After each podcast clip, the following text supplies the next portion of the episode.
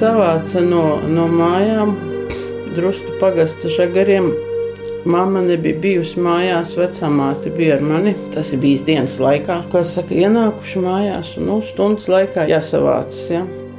Pagājušā gadsimta vidū tolaik četrgadīgās Maldas Jansonas dzimtās mājas bija Cēsu rajona Drustu pagasts. Līdz 1949. gada 25. martā mazo meiteni ar māmu Elzu un vecmāmiņu Mīli ķerseli padomju vara izsūtījusi Tomskas apgabala Malčānovas rajona Madugas sāģu. Malda pašu deportāciju procesu no dzērbenes stacijas atminās miglaini, bet kā lielu hausu.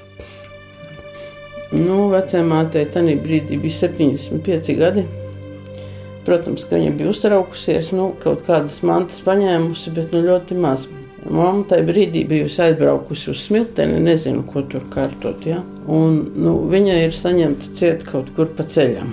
Jā, mums tā māja bija ceļa malā. Māma vestai garām mājai, lūgus, lūgusies, lai atļauj ieiet mājās, nu, kaut ko paķert vēl kaut ko. Jo viņai bija pateikts, ka vecā māte ar mani ir jau dzerbenes stacijā. Tas, protams, nav ļauts. Mums, kā saka, kaut kas līdzi paņemts bija ļoti minimāli. Cik vecmāmiņa paspēja? Cik vecumam kaut ko paspēja, cik kaut ko saprata un tā.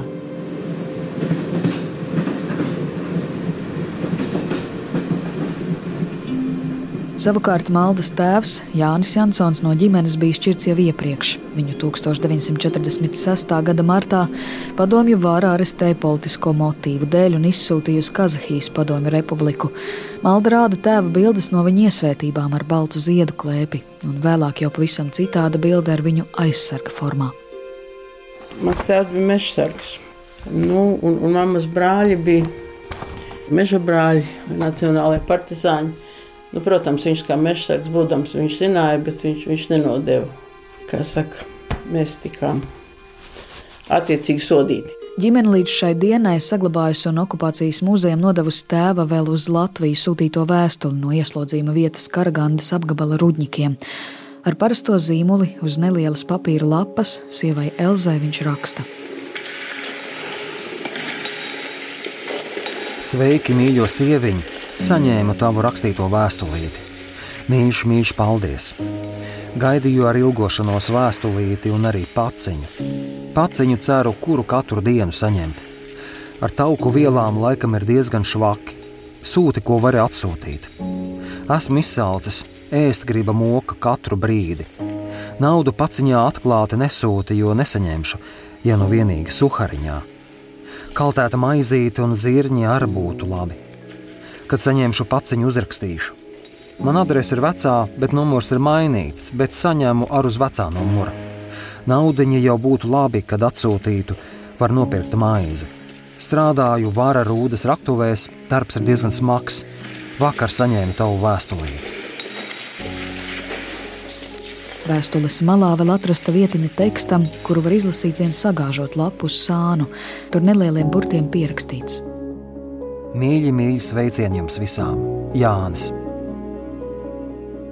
Tēvs šo vēstuli izsūtīja 49. gada 4. martā, vēl nenojausdams par plānotajām masu deportācijām. Jāņa meita Malda gan stāsta, ka vēstuli ģimene saņēma vēlāk jau izsūtījumā, nevis Latvijā. Vēl viena ģimenes saglabāta liecība, kas iezīmē tās likteni padomju deportāciju laikā, ir pavisam neliela pastkarte, kur jau vairākus gadus dzīvojot nometinājumā, Maldas mamma tur saņēma no viņas brāļa Elmāra ķerseļa.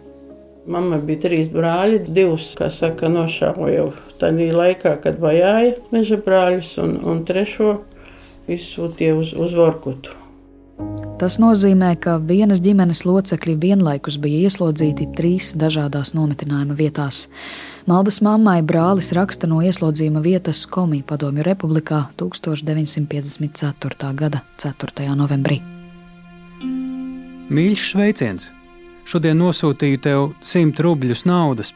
Kad saņem naudu, tad raksti: Esmu vesels un strādāju pa vecam, bez izmaiņām.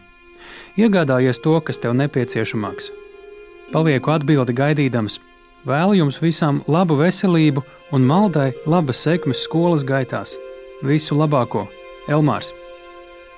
Pirms vairāk nekā 70 gadiem represētā Malda Jansone, cenšoties atsaukt atmiņā dzīvi izsūtījumā Madogas sāģā, to visvairāk sasaista ar ēdiena trūkumu.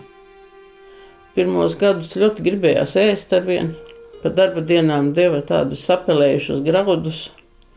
Un tā vecā māte kaut kā tur iemanījās viņus samalt un, un, un cepa maizi no tiem graudiem un mītīja klāt vārītus kartupeļus. Līdz ar to tā maize bija tāda, nu tāda varat iedomāties, tāda gļetaina. Un es atceros, es, es vienmēr vecumāte rausījos bruņšiem, saku, vecumāte neliec tos kartupeļus klāt. Bet, nu, vecumāte tāpēc, lai iznāktu vairāk. Mama strādāja pie, pie teļiem, tos teļus dzirdēja ar vaipienu. Nu, tā mamma kādreiz bija iemanījusies zem brunčiem, pasiet kanniņu ar, ar to vaipienu, kādu litriņu un atnes mājās. Nu, tad bija tik ļoti garšīgi. Varēja paēst, kad bija tas vaipiens, ko piedzert pie kartupeļiem. Nu, kartupeļus izaudzējām jau paši tur no vietējiem. Sākumā dabūju sēklu, un tur jau viss auga ļoti labi, augsne ļoti auglīga. Vienīgi vasara īsa. Cik īsa? Nu, septembrī jau, jau bija tā, jau, kad, kad bija sniegs un, un jau salas sākās. Sāģā bijušas vien ap desmit mājas, daži vietējie, bet lielākoties no Latvijas deportētie iedzīvotāji. Vasarās ganot lopus, māte ņēma mazo maldu sev līdzi un staigājot pa mežiem un pļavām, vērojot Sibīrijas augu valsti, viņai radās doma savākt augus herbārijam. Maldas tolaik veidotais herbārijs tagad noglabāts okupācijas muzejā. Tās ir trīs plānas rūtiņu būrtnīcas, kuru lapās ar diegiem iešūti trauslis, kuikoku zari un pļāvu augi. Kaltēšanai viņi izvēlējās tieši ziedošus augus, kuri tagad zaudējuši spilgto krāsu. Kā jūs gājāt tādās ekspedīcijās, lasījāt vai pa ceļam no skolas, tur vai pie mammas? Nu, es īpaši speciāli negāju, bet nu, saku, tos uh, lopus ganot mammai līdzi. Ieraudzīju kaut ko, man iepatikās. Nu, nu tā. Jā, un tas ir eh, plūškoks, sarkanais plūškoks. Tā ir jāņoga vai upene, tur arī savvaļā auga. Tā ir peonija. Rozā tāda, tie ziedputekšņi dzelteni, redz tādu redzēt ļoti lieli. Mm. Nu, ja nav pildītā, viņi ir, ir vienkāršie ziedi. Tā ir ciedra.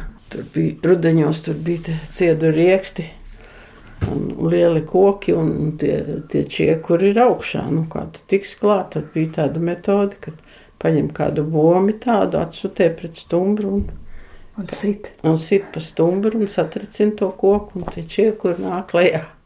Vēl skatoties uz kādu Sibīrijā nolausto baltegles zaru, malda stāsta kādu gardumu vietējie no tā taisījuši. Ir tādi uz stumbra, tādas, tādi kā bumbulīši, ja, kur iekšā ir sveķi. Tad mēs to sveču savācām, konzervu buļģā uz, uz bleķa krāsniņas izkausējām un tad, kā saka, izlietojam kā košļēni. Malda vēl bilst, ka latviešu valodā runāt un rakstīt izsūtījumā iemācījās no bērnu kalendāriem. Tur Sibīrijā Malda pabeidza piekto klasi un, atgriežoties Latvijā, turpināja mācības dzērbenes vidusskolā. Pēc skolas pabeigšanas 60. gados viņa iestājās Bulduru dārzkopības tehnikumā, daļdārzniecības specialitātē un pēcāk ilgus gadus strādāja dārzniecībās.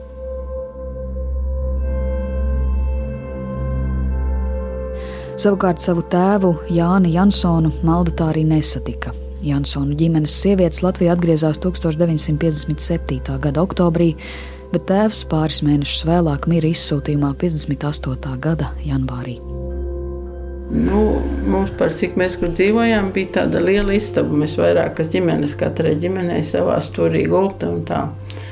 Nu, tad mūsu, mūsu istabā sanāca latvieši pa vakariem, aizklāja logus ar segām un, un, un, un kā saka, zīlēja ar to šķīvīti. Ko viņi mēģināja noskaidrot ar to zīlēšanu? Nu, nos, jautājums bija viens, vai mēs kādreiz Latvijā atgriezīsimies. Un atbildi parasti bija jā. Būtiski droši vien ir, ir ticēt labajām, paļauties uz to. Notikušo mainīt jau nevaram, bet nu, svarīgi, lai nākamās paudzes tomēr zina, kā tas var būt tādos režīmos.